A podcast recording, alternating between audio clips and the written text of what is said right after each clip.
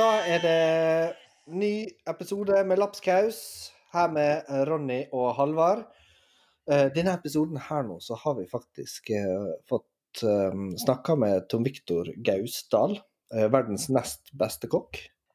Eh, ja, og så er han en av eierne av Lava-gruppa og eh, driver strandrestaurant. Og har hatt mye med landslag og Bokhus å gjøre. Andreplass i Bokhus, Ja. selvfølgelig. Ja. Og så har han gitt ut veldig viktige kokebøker, Ja. Ja. Ja. Og så var han dommer på Toppsjef. Det var han også. Det på TV. Mm. Så han skal vi ta en prat med i dag. Ja. Ja. Um, hvordan går det med det, Halvard? Jo da, det er, vi skal jo åpne den eh, sjappa på torsdagen. Så det er litt sånn småtravelt. Egentlig en, eh, en kokk, eller en lærling, short, som slutta. Oi. Eh, Litt sånn brått, eller? Ja, han sa fra rett før vi liksom tok ferie. Men um, Altså, jeg var veldig flink der. Det er veldig flink. Så det, det er liksom ikke en lær- lærlingshort, det er mer en kokkshort. OK. Um, så det, jeg har litt sånn håp om at han skal komme tilbake og fullføre lærlingtida, men det er en litt sånn kinkig situasjon med fikk, fikk en unge og litt sånn. Sånn at jeg ser at det er vanskelig, men uh, jeg håper han kommer tilbake.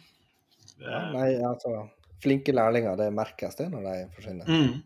Nei, så har jeg fått en ny, øh, ikke en ny, men en til som sursjef. Han øh, Simon Itzø som begynte på mandag, så det er et veldig hyggelig og trivelig nytt bekjentskap. Så gleder jeg meg til å fortsette med det. Eh, og så er vi tilbake på jobben med Håkon og han Jens. Han Jens har vel hørt den her Kjartan-podkasten tre-fire ganger. For det er artigste han har hørt noensinne. Ja. Eh, og det kan jeg for så vidt være eh, enig i. Selv om jeg ikke har hørt den, for jeg har vel ikke hørt en eneste podkast som vi har spilt. Men det får nå være greit. Og så Nei, så det er nå det, det greia der, den tralten. Og det er jo travelt å få opp en restaurant, på en måte. Altså sånn Ja. Det er litt ting som skal opp og gå. Det er det. Selv, selv etter en ferie. Ja. Så er det mm. Mm, Det går fort disse ferieukene, Det gjør det det. gjør det. Ja. Sånn eh, heldigvis litt rolig på torsdag når vi åpna, ikke full restaurant. Sånn at vi får liksom kjørt inn. Og så er det mye av den eh, Vi har ikke bytta ut hele menyen fra vi slutta, heller. Nei. Det er greit å ha litt igjen, da. Ja. Det er slitsomt å bytte 25 serveringer på scratch. Ja, det er ikke sikkert det blir like bra heller. Nei, Vet du. det gjør ikke det. Sånn at vi åpner med nesten det samme, og så får vi heller liksom bytte litt sånn småting underveis. Sånn. Ja. Så det, det føles bra. Så i dag skjærte jeg ned eh, et eh, sånn eh, elglår på hva det kunne være, 40 kilo, 40 kilo kanskje? Ja. Hva det blir, da? Nei, det er jo elg. Sorry, ass. Ja. Det er, det er nettopp derfor jeg spurte. Ja, nei, det blir tartar. Ja, det kan funke. Og kjøttkake. For da kan man dra inn noe fett, liksom. Ja. Um, Og så kjøpte liksom jeg kjøpt. Jeg kjøpte lammeballer. OK. jo, for det, jeg var og spiste på hotshop, var og spiste på hotshop på, Ja.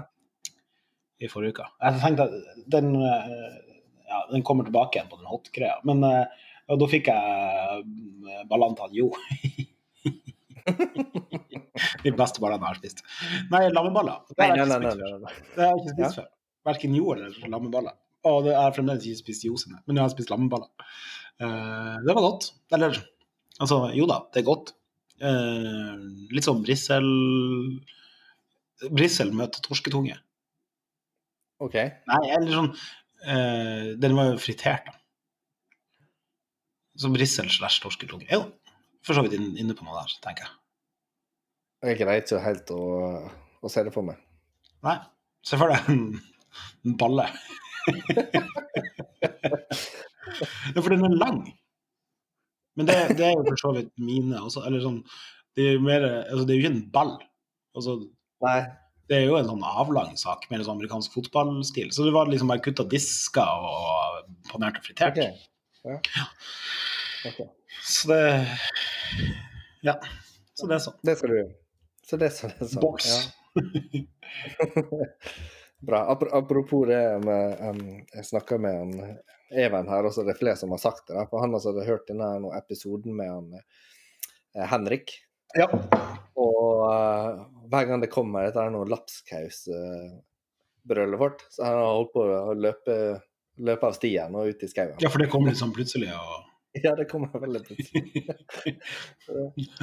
veldig, veldig artig. Det er så folk hører på oss. Ja, gjør det. De gjør så. Um, så det var gøy. Men uh, vi skal jo prate litt med han Tom Viktor i dag. Og Ja. han har jo også veldig mye med uh, lærlinger å gjøre. Mm. Han. Så um, hvordan, hvordan var de læretid, Halvard? Hadde du det fint? Ja, det var fin. Jeg var i Harstad, på De fire roser i Harstad. Eh, jeg skulle egentlig Eller sånn, jeg vet ikke om jeg skal si skulle egentlig, men jeg, var liksom utplassert på Oro når Terje var der. Ja. Eh, og hadde liksom Fikk lærlingplass der og sånn. Og så, så slutta Terje. Eh, og da var alt så usikkert. Og så hadde jeg et søskenbarn som var lærling på Fire roser i Harstad. Og så tenkte jeg ja, det er jo liksom greit, for det er ikke så langt unna hjemme. Det er to timer å kjøre og sånn. Så det var liksom fint, eh, for det var liksom i nærheten hjemme. og alt sånt. Men så oppdaga jeg at når jeg kom til Oslo For det her var jo, det snakka vi kanskje litt med Kjartan har sikkert sagt før også. Det var jo før Facebook og Instagram og internett. Eller internett fantes, men eh, Sånn at du fikk liksom aperitiff og appetitt en gang i kvartalet. Mm. Eh, ja, ja. Sånn at du var sånn Man visste ikke hva som foregikk, liksom. Så når jeg kom til Oslo, så måtte jeg på en måte lære meg å lage mat på nytt. Ja, okay. For det var så masse nye ting og nye teknikker og en annen måte å jobbe på kjøkken på. Og liksom, nå gikk jeg fra Fire roser i Harstad til og rett til Bagatell. Sånn at eh, eh, sett, sett litt sånn på tilbake, så kanskje jeg skulle gjort noe annet. sånn, Ja. Men det var en overgang. Eh, Men det var liksom eh, lite og greit å kunne liksom ta med meg eh, bagen med skittenklær hjem til mamma når jeg hadde frihelg og fikk dem vaska. Ja. Det var fint og greit, men det var også greit å Så var jeg et halvt år etter lærlingtida også. Ja. Men da var det liksom greit å komme seg ut og gjøre noe annet. Ja. Nei, det, det viktigste jeg, jeg, jeg føler når man er lærling, er jo det at man lærer seg litt basics sånn på, på ordentlig. Å lære seg å jobbe på et kjøkken. Ja, jeg tenkte, å lære seg å jobbe på et kjøkken er nok ikke stikkordet, for det er flere ord, men altså lære seg hvordan det funker. Altså det å liksom Tempo eh, Ja, kanskje ikke minst altså Det er kanskje det viktigste. Tempo, liksom. For at Ja. der får du ikke, Har du ikke det i kroppen, så sliter du liksom etterpå, når du er ferdig lærer, med å å, få deg en jobb, ikke få deg en jobb, men liksom å bli få ans ta ansvar og få ansvar og i det hele tatt. Mm. Ikke at man skal springe rundt og være stressa, men at man får liksom ting gjort. Nei, men altså hvis du For det er veldig mange som liksom de skal på de største plassene med en gang å være lærling og sånn. Mm. Jeg tenker det, så, så lenge du vet at den plassen som du jobber på, er en ordentlig plass, Mm. og du får gjort det meste, så er det kanskje bedre å være eh, nærmere hjemme og venner og, og liksom ha en sånn progresjon i, i eh, måten å leve på, da, Mm. tenker jeg. Ja, altså, den Fire roser var jo på en måte sånn fine Det var jo bra det var det. Nå er den jo lagt ned, da. Um, Men det var så, kafeen er fremdeles åpen, men, som er i første etasjen. Uh, Men jeg, altså jeg var der, og så begynte jeg på Bagatell, og så begynte jeg på Haga, og så begynte jeg på KA, og så vant jeg NM. Eh, og så det gikk jævlig fort. Eh, og så husker jeg en gang jeg skulle til Mandal, til sånn fiskemottak. Da hadde jeg vunnet NM. Og så skulle jeg lage fiskeburger. Jeg skulle liksom hjelpe dem å utvikle nye produkter. Ja. Og så kunne jeg ikke lage fiskefarse. Jeg tror jeg hadde gjort det én eller to ganger. Og det var på kokkelinja, liksom. For jeg hadde aldri jobba på de restaurantene som lagde fiskefarse, liksom. Nei, Og lagde aldri til p-mat heller. Kan, kan, det kan være litt sånn skummel kurve der når det gikk så fort, da. Mm. Jeg ser den, da. Ja, jeg satt og googla som faen. Folk Fiskefarse. forventer, folk forventer at du skal kunne alt. Jeg var 23 og var norgesmester og var på landslaget. Jeg skulle jo kunne alt. Ja. ja, nei, jeg ser den. Så det, så det er litt det med også at man liksom Man, man skal ikke stresse og, og så man med å liksom å, å jage etter, etter alt med en gang. Det, det skulle jeg nok eh, Det er kloke ord til meg sjøl, liksom. Halvard Ja. 2021, liksom. At, eh, men samtidig så har, har jeg også tjent mye på det. Altså det å oppsøke folk som kan ting, og være ydmyk mot at de kan noe. Altså, tar, Det er jo en, eh, en snarvei. Altså, du kan jukse litt med å jobbe med flinke folk. Mm. Jeg hadde en diskusjon her om dagen med han Jens på jobb. Det å bli kjøkkensjef når man er veldig ung. Og det er jeg så jævlig glad for at jeg ikke gjorde, for jeg gjorde alt det annet, liksom. Sånn, når du er tatt fagbrev og du er 20-21 år, og så, og så liksom, du, så er du kjøkkensjef når du er 22-23, kan jo Ja. ingenting. Altså, du vet jo, du vet jo opp ned på deg sjøl engang, liksom. Og hvordan skal du eh, da styre deg rundt det? Og Ja. skal du bare, nå må du bare ansette folk som er nyutdanna, da. Ja. For det lærer deg litt. Grann. Og det blir jo bare enda tungere. Og så er det alt det rundt også. Altså, du, du får liksom aldri lov til å være en ung kokk som skal lære seg å lage mat. Nei, jeg er helt enig. Folk blir altfor fort ansvarlige på kjøkkenet. Mm. Mm, Det, det ble nok jeg også. Altså eh, Jeg var jo sursjef på Arakataka når jeg var 24-25. Det gikk for så vidt greit. Sursjef er noe annet. Jo, nei, men jeg var jo ikke det heller. Jeg var jo på en måte en kjøkkensjef, sånn delvis i hvert fall, for at han som var kjøkkensjef, eh, hadde litt andre ting å stri med i den tida. Så jeg måtte tok jo litt mer. Men det var på, altså, den plassen var jo sånn greit. Men så ble jeg jo sursjef på Ylajali, og det var jeg jo ikke klar for. Nei. Eh, så det kan man jo liksom se på i ettertid. Mm. Men jeg har jo ikke vært kjøkkensjef jeg- for nå, liksom. Og nå er jeg jo ikke det engang. Men fikk du, eh, når du var lærling, da, følte du fikk, eh, fikk gjøre alt sammen? Og fikk du eh, Hvordan Jeg fikk ikke stått på det. Altså, det var tre, tre stasjoner, jeg sto mest jeg som kolt, da. Men jeg tror det. Jeg var kanskje greit sånn Jeg tror jeg sto et år på kort og et år på varmt. Og så var jeg litt i den kafeen, og den kafeen hater jeg. Men det var også noe læring i det, da. Ja. Jævlig mye bonger å stå alene, liksom. Og kjøre ut sædsalat, nei, cæsarsalat, skjevresalat og burger og liksom alt om en annen. Og liksom lære seg det tempokjøret. Ja, Sånn, nei, jeg altså, jeg gjorde mye rart. Altså, kjøttet var liksom inn i sånn Bakers Pride-ovn som sto på maks. Altså, det var det, det sto, sto uh, stabilt på 160 grader. Nei, nei. 340, liksom. Var sånn bakerovn med sånn steinplater oppe og nede. Og brettene slo seg jo idet de traff. ikke sant? Det var så varmt. Ja. Jeg var nå lærling på Hummer Kanari i Ålesund. Det er episk navn på ei sjappe. Ja, ja. Um, men det var en veldig bra læreplass. da Vi gjorde alt sammen fra grunnen av. Mm. Eh, kjempebra. Og så var, var jo jeg litt sånn noe frampå, da, og det syns jeg er ganske viktig som lærling å være også. Så Mm. eh, endte jo opp med å liksom lage retter som lærling som gikk på, på menyen der, da. Mm. Og så husker jeg at det andre år så utvikla vi da en rett hummer canari. Som, som nærmest var type hummer canari, hvis du skjønner hva jeg mener. Det var sånn todelt rett. Ja. En sånn kjøtt, kjøttrett og en uh, fiskerett eller sånn uh, skallidyrett da, på samme tallerken. Det er nice. Ja, ja, ja. Og så skulle jo ting bygges i høyden på den tida. Ja, og det var ja, da, i høydetida. ja, ja, ja, ja. Så det var jo uh... Var det også den der balsamico-sirup-tida? Ja, det var det. Og pesto. Ja, og pesto, ja. ja. Og scampi var vel kanskje også. Og pinnekjerner. Ja, pinnekjerner var det. Jeg tror ikke det var så mye scampi. Men jeg husker at vi sånn her nå på lunsjen, så var det sånn pasta med hvitløk og biff. Pasta med hvitløk og reker. Men ellers gikk det ganske mye i eh, Jeg konkurrerte jo da med Even eh, de åra der. Så vi var jo med i sånn uh, lærlingcup. Så vi sto jo på fridagene våre på jobbene og trente. Ja. Hva, kom dere til Norgescup, liksom? Ja, vi eh, har andreplass. I Norgescup? Ja, ja, ja. Nei, hvem som vant? Eh, Sebastian Myhre. Ja. Ja.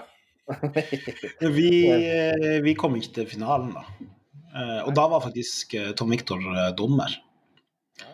Og da hadde han vel akkurat vært med på Kystre. Og vi skulle lage lammefrikassé og sånn her posjert egg med spinat og sånn mornisaus. Eh, og så var det en sånn dessert med posjert pære og greier. Han, lik- og og det var, han likte desserten, sa Tom Victor. Ja. Ja. og da var det um, han der eh, Ørjan Johannessen som vant. Ja, riktig. Ja, ja. Det er ikke de verste kokkene som er foran oss der, da. Nei, jeg var førsteårslærling, eh, og Og så ble det ikke eh, lag andre året fra Harstad. Tror vi, vi var med begge åra, vi. Og første året så var det klassisk mølje i semifinalen. Det er rått. Det var ingen som lagde klassisk mølje.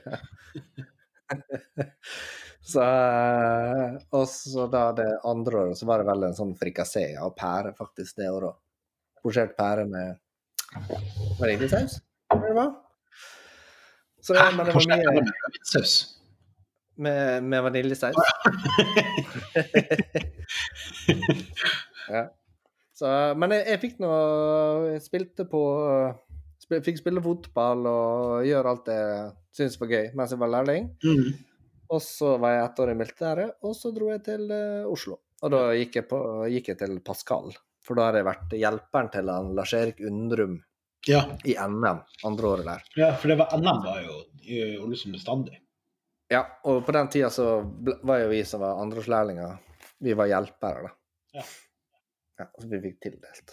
Så det, det er jo en ganske ymse uh, hva du kan ende opp med der. Mm. sånn. Ja, for det husker jeg vel at det var ei greie med Even som fikk noe som ikke var sånn helt heldig. Og så Ja. ble det litt bråk, og så etter det så fikk man ta med sin egen. Ja. Jeg hadde jo en, en gang eh, når jeg skulle gjøre med andreåret mitt, så drev jo jeg og styra eh, Jeg fikk han faktisk på glid, da. eh, Å få Krille som kom i. For han hadde ikke fagbrev, så jeg tenkte man kunne gi en lærlingkontrakt. Så han bare Men AA, men jeg måste jo trene.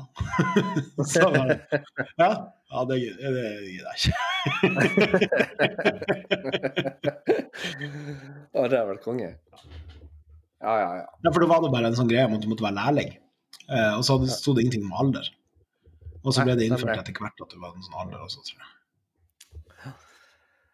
ja så det. Jeg har hatt en del eh, lærlinger opp gjennom åra, altså. Ja, Du er vel på dine første nå, jeg tror det? er? ja jeg hadde Jeg føler jo at Novak, for eksempel, var min Ja. lærling. Så min lærling, liksom. Eh, men jeg har ikke hatt Og så hadde jeg noen på Rakataka, ja. Eh, Ja, jeg husker når jeg kom, kom dit, så var det fire lærlinger og én kokk. Ja. Eh, eh, og så er det jo noen på Ilayali men som var på Alcatraca, og som jeg skal, jeg skal med meg opp. Eller de ble, de, vi får bytta litt. Eh, ja. Og så hadde vi jo han legendariske lærlingen på Pallas. Han sinnssyke Ja. lærlingen med skjegget, som han ble kalt for. Som ble en egen hashtag også. Mats Erling, Asbjørn Cato, som han også het en stund. Ja. Det er mange, mange flinke som har vært innom oss. Det er kjekt å, kjekt å se ungdommen vokse til. Ja. Så det Nei, Skal vi prate om Tor Viktor, da? Ja, vi må nesten gjøre det. Vi har babla i 20 minutter. babla? Jeg er småstressa, for nå er det jo tirsdag. Ja. Er Det bare to dager, som skal du åpne. Eh, Nei, det er jo én ting. Men jeg er stressa på at uh, i natt, natt til onsdag, så kan vi jo gå inn i fire år til med han der sinnssyke fyren i USA. Det er sjukt. Det vet jeg ikke om jeg gidder. Det kan jo fort bli sånn der nå eh, At han setter seg på bakbeina og låser seg inne i Altså, det kan bli skikkelig vrak. Det kan bli borgerkrig. faen. Ja, det kan det. Det Men jeg, jeg husker for fire år siden, så fikk jeg ikke sove. Jeg så, så ikke på noen sending. Jeg la meg ganske tidlig, for jeg tror det var en søndag eller noe sånt. Ja. Og så fikk jeg ikke sove. Jeg er veldig ofte at jeg ikke får sove natt til mandag. Eh, og så la jeg meg på det rommet som nå er Ulriksens rom. Og så Mm. på natta der, bare le og liksom ligge og ruge, så sjekka jeg telefonen, og så var det Donald fucking Trump hadde faen meg Ja, vunnet. det er det sjukeste. Det husker jeg Også. Jeg tror jeg ropte og Vanja Hva som skjer? Hva som skjer? Så bare Han vant. Han er ny president. Det funka ikke. Og det har jo ikke funka. Altså, det er jo helt latter. Det er jo så sinnssykt. Helt sinnssykt. Så det. Nei, men OK, da setter vi over til uh, Tomito Gausdal, vi.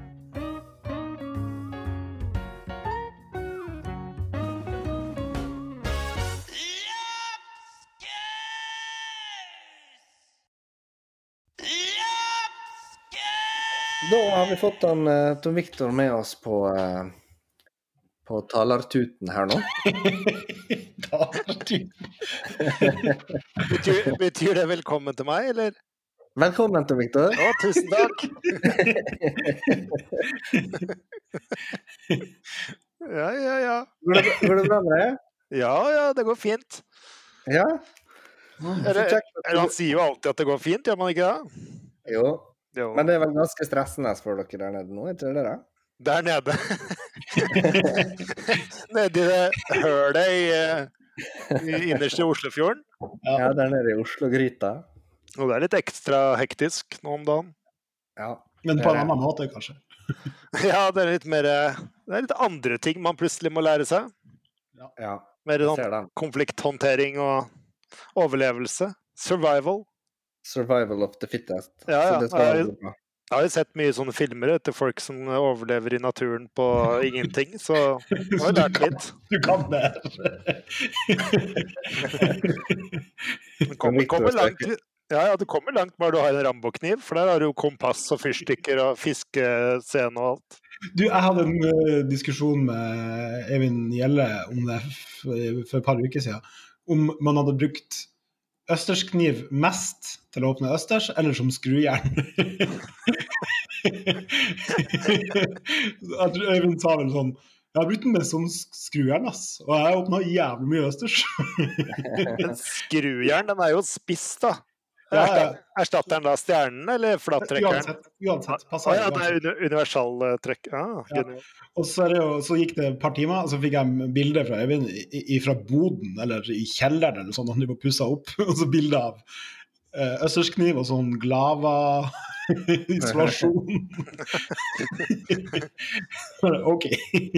Men, men østerskniv, de er spisse, eller de som ser litt sånn der nå, olvale, som ser ut som en sånn blad? Nei, jeg liker den. Ja, den spisse. Ja. Ja, ja, ja. Ja, de andre, det er jo bare teit. ja det veit jo du best. Er ikke du vært norgesmester i østersåpning, Halvard? Jeg? Har ikke du? Jeg har ikke vært med. Å nei. Var ikke du med i det? Jo, Nei. du har vært med der en gang, du. Jo, Nei, Du har vært med. nei, jeg har ikke vært med.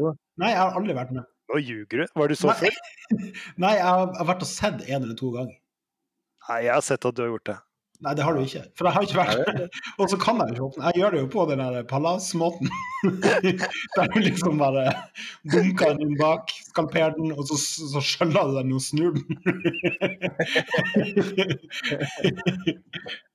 så Det er vel det, den måten alle de eh, som er dårlige til å åpne nøtter på, har lært seg på. På. Ja, for du måtte jo åpne ganske mange, da. Så hva var det to per pers til 25 baks hver dag? Så det blir jo liksom 50. Ja, det er sant, det. Ja. Det er noen år siden. Det går ikke som så mye østers her hjemme. Nei. Det er De hadde, de hadde østers på Mega på Sortlandet i forrige uke. Og så sa jeg til Vanja bare, det var østers på Mega på Sortland, liksom. Og hun bare Skal vi kjøpe det? Jeg bare, du er gal? Men På Skottland er jo dritgammel! Så jeg tenkte jeg skulle gå bort og spørre om, eh, om de er liksom bare Hva er det der? Hvordan åpna meg for å spørre liksom om han ene fyren i kassa som er der, om, om liksom Om han visste hva det var. For var en gang jeg spurte om han hadde svinenakke, altså bare ferskvare- ferskvaredisken, så kom han ut med en halv gris som var fryst. som lå på ei tralle, og så bare peka han. Den er der! Så peker han og bare ja, men jeg trenger bare den, ikke resten av grisen, så det går bra. Men hvordan er stemninga ute i distriktene? Ja, nei, de er vel nervøse, de også, tenker jeg. Men det er ikke så strikt her ute som det er inn med dere. Sånn så, nei. Vi koker nok Vi har jo ingen smitte her oppe. Det er jo kanskje fire eller Jeg tror det har vært 40 stykk siden mars. Ja. Sånn at det er litt sånn der eh, merkelig at man liksom Merkelig, men jeg skjønner det. At man liksom driver og følger de samme Altså én meter, og så bare Ja ja, men det er jo 500 km den nærmeste smitta. Ja, ok. Det er vanskelig å se for meg det akkurat nå, men det, det høres jo digg ut. Ja, jeg ser den. Men du, Tom Victor, du kommer jo tilbake eh, fra Tallinn. Har vært eh, Var der nede, var tror du det? Jo, jo, jo. jo. Jeg har vært ute jeg har vært ute og reist i utlandet, det er ikke verst, det. Ja. Måtte du i karantene og full pakke, eller? Ja da, det var sånn jobbreise, da, så det er jo litt kortere karantene, men så var det jo veldig ja, mye jobb for å komme seg ned dit. da. Det var jo, ble testa to ganger før jeg reiste, en gang mens jeg var der, og to ganger når jeg kom hjem igjen. Så Ja. Så du syns det begynner å bli litt sånn smådeilig du, å få den pinnen? ja, det er ganske digg, det, altså. Ja.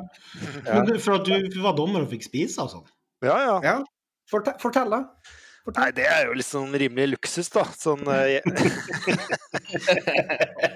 Nei, men jeg har, jo, jeg har jo vært involvert i konkurranser i ganske mange år, da. Med de jeg har vært med i sjøl. Første gangen jeg var i eh, i Lyon, da var jo i 1997, da jeg var assistent for Odivar Solvold. Så jeg har jo liksom vært med på det greiene der veldig mange ganger. Og nå fikk jeg endelig stå liksom på toppen av næringskjeden og faktisk få lov å smake på maten.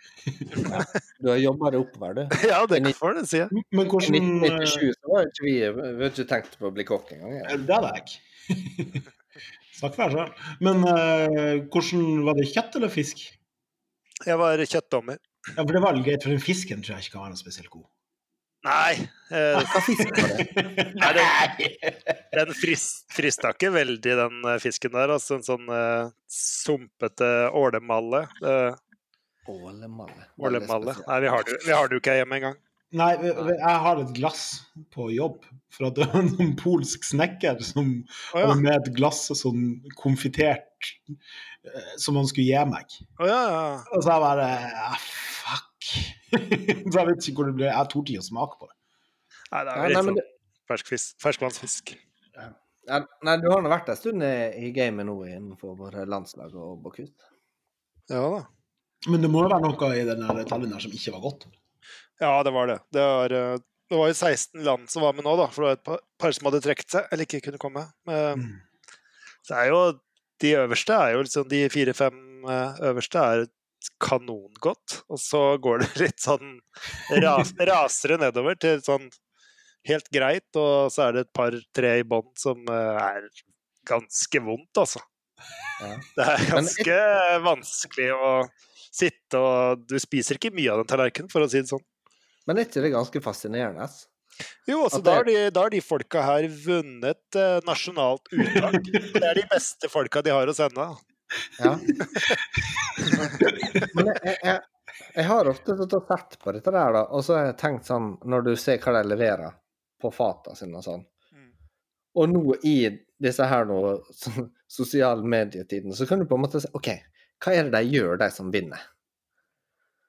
Og så ser de på sitt eget, og så bare Ja, ja, sånn. Ja. Vi er der. Vi nærmer oss. Jeg, jeg så Italia, og så tenkte jeg bare What the fuck? Hva skjedde der? Men i kombinasjon med en veldig dårlig sånn her eh, kamera- og lyssetting også. Men det var litt sånn eh, Ja, det er det som har fascinert meg òg i de sånn, internasjonale konkurransene. der, sånn, At ikke man enda har liksom gjort litt research. Sånn, ok, vi har, vi har lyst til å komme på pallen i den konkurransen der. Da gjør man jo research. Da sjekker man jo hva, hva er kriteriene for å lykkes. da. Hva er det de andre gjør som har gjort det bra de siste ti gangene?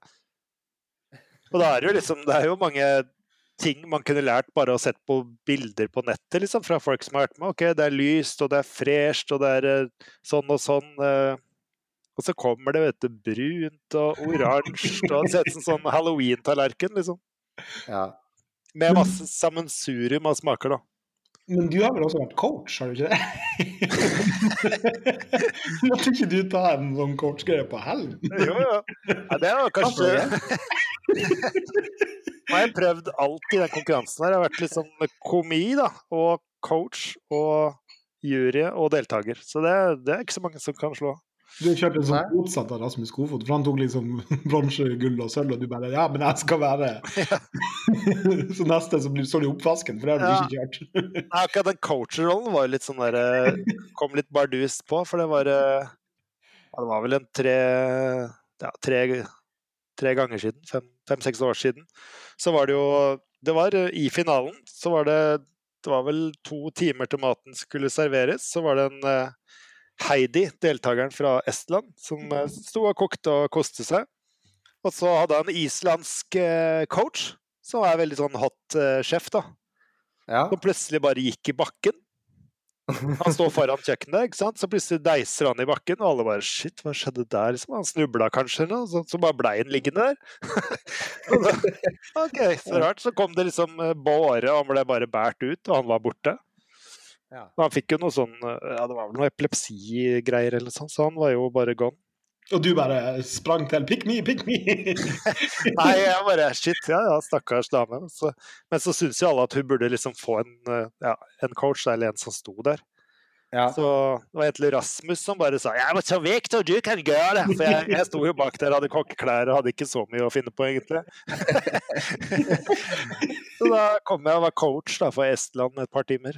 Og så, og så spurte jeg jo dama, for jeg ville jo gjøre en god jobb, da. Så jeg liksom Jeg har noe jeg skal hjelpe dem med, eller passe på, eller eh, sånn eller sånn. Nei, bare stå her, du.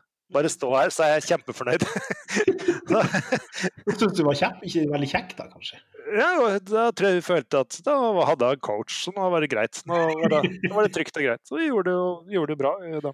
Jeg merka det nå når jeg kom til Estland den gangen her, da, så var jeg jo nesten litt sånn folkehelt, vet du, siden jeg, jeg redda jo de den gangen der. Du er som Big in Estland. Ja, ja, det var jo veldig kult. Han, eh, eh, han eh, presidenten nede i Estland, etter jeg var coachen der, da, på kvelden, så kom han liksom med 50 dollar i og stakk i hånda mi. da, og 'Takk for jobben' og ja, nydelig. Ja, det var kult. Ja. Men hvordan eh, Men så, så Norge, da. Han eh, leverte han, eh, han Krille der nå? Det var bra. Han vant jo, så han leverte jo. Jo, jo, men altså Og jeg vet han leverte, men eh, altså, var det overlegent, eller eh, hvordan var, var det i forhold til uh, Ja, det var kanonbra. Det var helt vanvittig tight. ikke sant? Han er så utrolig topptrent og har liksom fjerna alt av usikre momenter. Så det er liksom bare gjennomføring for han. Det er utrolig imponerende å se den riggen de gjør med forarbeidet. Det er, det er skikkelig toppidrettsmentalitet. Så det er utrolig kult å se. Men nå er det jo flere som har tatt litt innpå ikke sant? og gjør akkurat det samme greiene som Sverige og Danmark mm. Og Island og Finland litt sånn hakk i hæl der. Så det, det, er, det er litt tett i toppen der, det er det. På Ja. særlig Norge, Sverige og Danmark. Er ikke det litt synd at det er bare nordiske land som uh, kjemper oppi der? Det er kjempesynd, men nå er vi sånn vi er jo et, vi er jo, Det er jo egentlig vi som er outsiderne, som kommer fra så små eh, land med ikke sånn vanvittig matkultur. Så vi burde jo egentlig bare være stolte og glad til. Men uh, i Lyon så kobler vel USA seg på også, så da blir det i hvert fall ett land til. Ja, og så har jo Singapore har vel vært, eller Japan, ja, noe sånt oppe på en bransjeplass. Ja. Mm. Men uh, Frankrike var jo litt tilbake nå også. Ja, det var litt sånn trist å se. Jeg hadde litt sånn forventninger til han, da, for det, nå hadde de jo satsa skikkelig og hatt et heftig uttak i Paris med med virkelig store sjefer. Og han som vant, slo jo ut eh, sursjefen til Serge Viera og kjøkkensjefen til eh, Ann-Sophie Pick, så han var en eh, skulle være en dritbra kandidat. Han er jo moff, altså sånn høy utmerkelse da, du får i Frankrike. Meilleur og Vri de France. Du får sånn krage. Som Ja, sånn ordentlig fagmann. Og de pleier egentlig ikke å stille opp i dette her engang. For det er liksom De er egentlig heva over hele greiene, de. Ja. Mm. Så når først de var med, så tenkte jo alle at da måtte det gå veldig bra. Men han kokte litt borti kålen, altså. Det ble litt mye, Men Mye- mye jobb og lite moro, egentlig. Ja. Han kom vel på sjuende, tror jeg. Ja, ok. Sjette eller sjuende. Hvor mange er det som går videre til Lyon fra den eh, europeiske? Ti. Ti, Ja. Ja. Men det er noe, du- du er nå fortsatt ganske engasjert i Bocuse, og sitter du i styret nå, eller? Ja, i, i Norge. Mm. Ja, President? ikke sant? Det er du og Trump, liksom, som, blir, som er presidenter. Ja. Det er jeg som er Jeg er president, jeg. det er rått. Hva, hva, hva, er det, hva, er det som, hva er det som fascinerer deg fortsatt med Bocuse og konkurranser og sånn? Ah, ja, nei, det, jeg har alltid vært sånn der matnerd, da. Syns liksom det er gøy med alt mulig sånn eh, digidarier og forskjellig mat, og lære nytt, da. Det må jo være det. Altså skape ting og lære nye ting, og ja, det er vel det som er gøy. Mm. Jeg husker vi hadde det der på evaluering en gang på landslaget. Og så var vi liksom ferdig å evaluere, så sa, så sa du hadde vært fett å bare stikke innom Økeren med en grønnkasse og så bare dra til Erfurt, og ikke trene noe særlig. Da tar du Men. Men ap apropos det, da. Jeg husker du, da du inviterte meg til å, og spurte om jeg ville delta i Global Chef. Husker du det? Ja, ja, ja. ja. Ja, for du hadde jo vært uh, året før. Ja. Og det var litt sånn uh, Du bare ja, Du har ikke lyst til å bare delta i Global Chef? Det er ganske enkelt. Det er bare mystery basket. Det er bare å dra ned og bare lage noe digg. Det er dritbra. Så jeg tenkte jo Jo, det vil jeg. Så jeg gjorde det. Dro til Irland. Og det var jo ikke noe mystery basket-konkurranse. Er det sant? Alle de Ja. andre landene jeg var, jeg var i komien, alle de andre landene de hadde jo fått oppgave og lest den og gjort sånn. Det er jo ikke vi. Så vi fikk vite det dagen før at ja, OK, så det er kyllinger. Det visste dere. Det her har ikke du, men det her har sagt til meg før, Ronny. Er du Nei, det har, har jeg kanskje ikke. Det vet Jo, det har jeg. Jo, men altså, tingen var at det var mange Det var ikke bare vi som ikke hadde fått med oss det. da At de hadde gått vekk fra Mystery Basket-greia. Okay. Det var ganske mange som sto der nå når de begynte med brifinga, så bare sånn Hæ? Å ja, så de hadde sendt ut noe, mail, noe mail Det var noen mails, mails vi ikke hadde fått? Nei, men de hadde bare sendt ut reglementet. Ja. Og så hadde vi fått på en måte um, Nei, vi har ikke fått oppgave heller. Det er jeg Yes. ganske sikker på. Um, og så kom vi ned dit. da Heldigvis så trakk vi andre dagen, så vi stakk på et sånt svært supermarked og snekra sammen noe greier. Det gikk jo bra. Jeg vant jo. Jeg, jeg, Ja. vant, jeg vant du da? Ja, jeg gikk videre, da. Ja, ja. Herregud, det er jo fantastisk.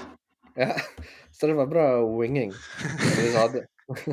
Men det var ufattelig lang konkurranse. For det var sånn her syv timer prep, og så var det fire retter, og så var det én time mellom hver rett, så du ble jo aldri ferdig. Å ja, i en time. Det er Ja, men jeg, jeg, tenkte, jeg tenkte på det at det fra den eh, gangen du var med, da det var liksom der noe Mystery Basket, til da han eh, Doffen var med, og han var med han eh, Borgan var vel om. Ja, som vant. Og de dro jo dette her opp til sånn ordentlig sånn NM-koking, sånn ordentlig konkurransekoking. Ja. Vet jeg. Så det. Men er det sant at du røyka fisken din med fjøla i Global Chef? For det hadde jeg hørt. Jo, de sier det. Jeg treng, trengte jo noe røykflis, vet du, så da er det bare spikke, spikke litt av skjærefjøl da. Det funker, det. Bra det ikke var plastfjøl. Er Før vi eh, tok og snakka med deg, Tom Victor, så prata vi litt om da vi var lærlinger. Og em, du jo eh, Du driver jo Strand og har jo vært veldig opptatt av dette her med å, å få lærlinger og unge kokker opp og fram. Ja? Um, for, fortell litt om, eh, om det, da. Nei, det, jeg gikk jo i læra på Stadhallegården, som er liksom kjent for å være en av de virkelig gode lærebedriftene i Norge. Eh, Og har avla fram vanvittig mange flinke eh, lærlinger. Så det er, det er vel litt den arva jeg tok med derfra. Men så var det Vi starta litt i det små ute på Strand og tok inn et par lærlinger. Og så humpa det og gikk, og så bygde vi bare opp mer og mer system. Tok inn flere og flere lærlinger, og så hadde vi plutselig en konditorlærling og en bakerlærling og en servitørlærling. Altså, det balla litt på seg, da, og så, så fikk vi på en måte bedre og bedre lærlinger. Det er vel litt sånn det er når du bygger opp et miljø rundt det og har et opplegg, så får du bedre og bedre søkere, og da er det vanvittig gøy å ha lærlinger, altså. Det er veldig mye jobb, for det er alltid noen sånne netcaser eh, i ny og ne som du må jobbe veldig med. Men så er det de stjerneskudda som eh, kommer ut, det er vanvittig givende, syns jeg. da. Det gir liksom en sånn ekstra dimensjon til det vi holder på med. Det er liksom ikke bare å koke noe god mat til noen rikfolk. Det trenger litt mer eh, verdi, det vi jobber med. Men hvor mange lærlinger har dere nå? Vet du det? Nei, vi er vel litt nede nå. Nå er vi vel sånn eh, Nå har vi 14 eller noe sånt. Ja. Til sammen, da. Steder. eller med sentralen? Eller liksom hele Ja, med alle. Vi var vel oppe i noe, et par og tjue, men nå har vi Ja, vi tok jo ikke inn noe- noen særlig i høst, ikke sant, for det har vært nedbemanning og Mm. sånne ting. Ja. ja, jeg skjønner. Men rullerer de, eller er de bare én plass? Eh, De er liksom stasjonert fast ett sted, men så rullerer de eh, hvis de vil, og For da har du muligheten til å lære ganske mye forskjellig. Ja, det er det jeg syns er litt kult. Da Da kan man virkelig bli komplett kokk, om du vil ha litt sånn halvveis fine dining eller nordisk eller eh, ramen eller eh, gudene veit hva det er. Og det Vi har jo fått mye nytte av dette her sjøl da. Veldig mange av lærlingene våre jobber jo hos oss enda og har stiget i gradene og jobba litt rundt på forskjellige steder. og det er, er vel tre eller fire av våre lærlinger som er eh, kjøkkensjefer hos oss nå. Mm. Så det Det er er bra. ganske kult. Mm. Men hva, eh, syns, hva syns du om, eh, om nivået og litt sånn endring i holdninger og sånn på, på disse unge folka som kommer inn nå? Er det, er det like bra som før? Tør du å si Ja, noe om det? nei, men det er litt der igjen. da. Får du de bra, så er de som regel bra. Men så er det veldig mange hvis du var mer Særlig Vi har jo alltid hatt folk ganske mye på utplassering først. Og da er det gjerne elever som er der en uke eller et par uker i året, eller om de er der én dag i uka hele Mm. året. Så, så får du liksom veldig godt inntrykk av hvordan de er, før du ansetter de som lærling. Men så er det de gangene du er litt uheldig og må ta inn noen, så, så er det, det er mye slappfisker, altså. Det er det. Men det, jeg vet ikke om det er veldig spesielt for nå. Eh, Det har vel alltid vært mye slappe folk. Ja, det har det.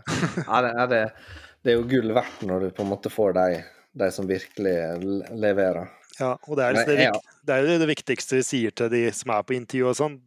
Vil du dette, liksom? Vil du bli flink? Og Det holder ikke for oss at du bare har som mål å uh, humpe gjennom og ta fagbrevet. Du må liksom ville litt mer, da. Trenger ikke å bli mesterkokk eller være med i masse konkurranse, men du må liksom ha den derre go-en, driven og gnisten. Ja. ja. ja nei, um, Vi har har- jo han Jens som var hos deg. Han er jo latterlig flink. Jeg var ikke Ja. så flink da jeg var 21, liksom. Ja, han er sånn eh, unikum, da. Sånn kjempeinteressert, positiv, eh, veldig sånn strukturert og ordentlig kar, da. Så du bare skjønner at han, hvis han holder ut, så kommer han til å bli akkurat det han vil. Ja, en, eh, takk, takk for han. Ja, det er bra. Du får han alle tilbake. jeg, jeg, har- jeg har på en måte alltid sagt at det er en litt sånn plikt også å ha lærlinger. da. Ja. Eh, sånn- Det burde jo være det. Det sier jo Bent Jansen, at flinke fagfolk skal ha lærlinger. Liksom. Det er viktig da, å ta det videre. Og da, vi kan ikke sitte her og sutre over at ikke det finnes noen flinke kokker eh, som kommer på døra når ikke du tar, hjelper til med det sjøl. For vi, her har vi jo faktisk en eh, ordentlig utdannelse, da, med et par år på skolen hvor de blir litt mer modne, og så to år i lære, som er eh, greit. Og da Det er jo bra, et bra løp. Mm. Har du sett på den nye læreplangreia, det opplegget der? Nei, jeg har ikke fått satt meg helt inn i det ennå. Jeg ble så skuffa over at det liksom, opplegget i skolen det var allerede bestemt hvordan det skulle gjennomføres. Ja. Så den læreplanen som er ute til høring nå, det var jo bare sånn her eh, Ja, vi skal Ja. tenke på samisk matkultur og Ja. bærekraft og sånn. Men det var liksom ikke hvordan det skulle jobbes og hvordan det skulle gjennomføres, for det var jo allerede vedtatt. Ja, ja.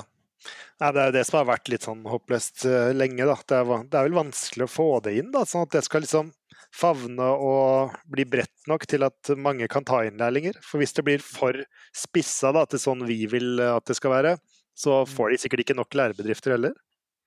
Nei, men kunne de ikke gjøre forskjellige utdanningsløp, da? Altså, Jo, jo. sånn der, det kunne vært noe mer spissa, sånn at ikke man skal gå og lage han som lager pølse. Og så er det sånn eh, Jeg husker da jeg gikk på kokkeskolen, for jeg var jo kjempegira, liksom. Men mye av motivasjonen min ble jo drept av de 18 andre i klassen som skulle bli sprøytenarkoman. Sånn Ja. at det ble liksom Hva du eh, sier? jo, jo, men det ble en del av de. han ene ble, ble også da rådmann i Hassel, så da han jeg ring med sånn skjenkebevilling og sånn. Og han andre begravelsesagent og skriver krimbøker, så det ble mye rart. Men det ble bare jeg som ble kokk, tror jeg. Ja, men det tror jeg og den klassen jeg var hvor vi var 20-25 stykker, jeg tror det bare var jeg som ble kokk til slutt. Mm. Ja.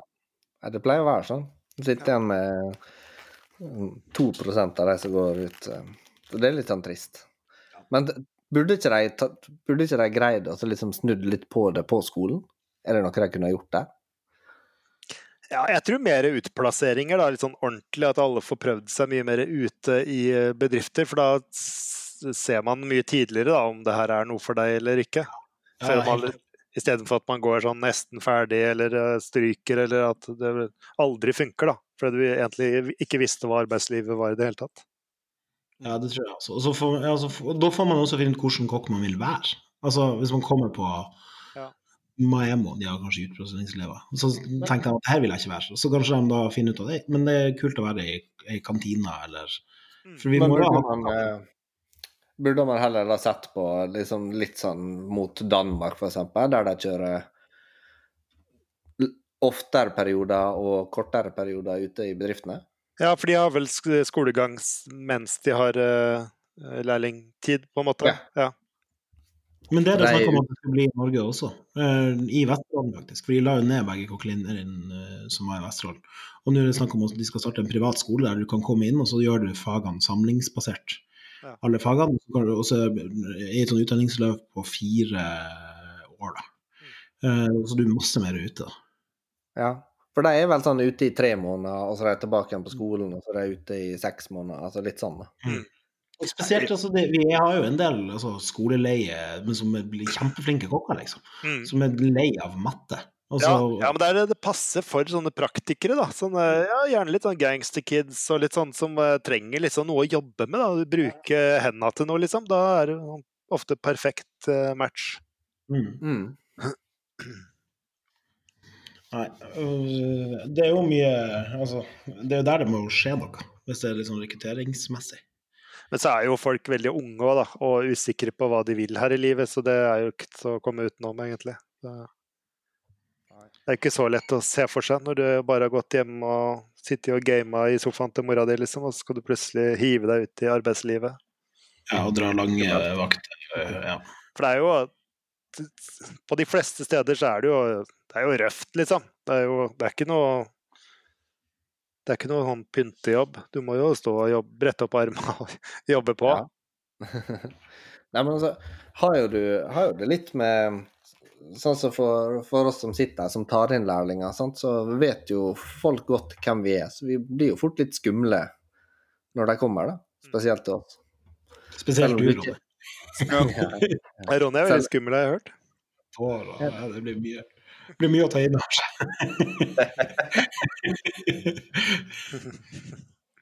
Savner, savner dere ikke Oslo? Nei. Jeg savna det å drikke øl etter jobb med andre kokker. Du kan jo ta en øl med Du har jo noen kokker ansatt, har du ikke?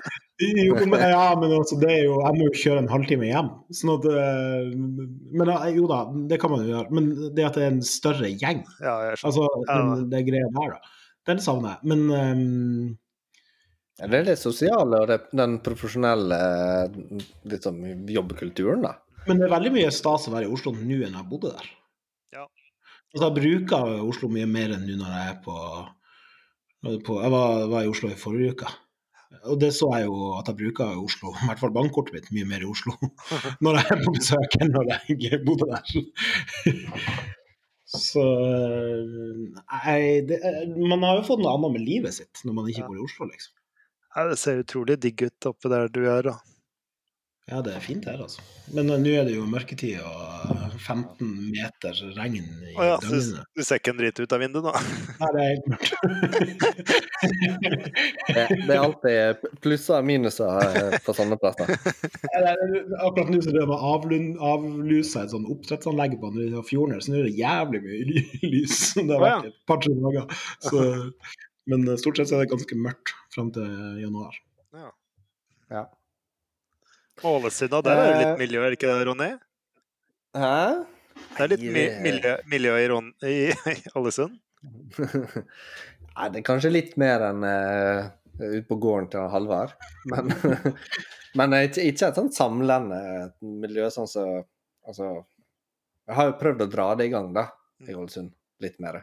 Måtte, så det, det, det var viktig for meg når jeg kom opp hit, at jeg, vi dro sammen en liten gjeng med restauranter, slik at vi kunne være litt flere om det. Ikke bare hver for en som det var, da.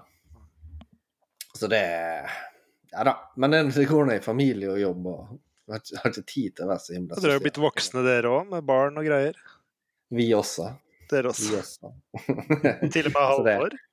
Ja, Ja, Halvor. Jeg sier alltid Halvor. Halvor, jeg. ja du gjør det. Du har alltid gjort det. Men det, Tom Viktor, Ja. Du har nå eh, gitt ut en eh, gjeng med kokebøker også. Ja, ja. Og jeg har notert meg at de er ganske viktige. Det er sånn grundige Veldig alt om Eller liksom mye-omfangende Alt om ingenting. Alt. Eller alt om masse. Ja, det er hyggelig. Ja, det er jo det. Ja, det er kokkelæra, den, har den blitt pensum, det? Eller er det bare jeg som håper det? Ja, jeg har hørt at det er mange kokkeskoler, lærere som tar kontakt, at de har kjøpt den inn. Men jeg tror de egentlig lærerne kan velge litt sjøl nå, hva de velger å ha som pensum. Okay. Den blå boka, den er det fremdeles noen som noen lærere som sverger til. Helt sikkert. Ok, jeg trodde kanskje at kokkelærer var blitt eh, pensumet i Norge. Nei, jeg tror de kan velge. Ja, ja. Men var det målet ditt?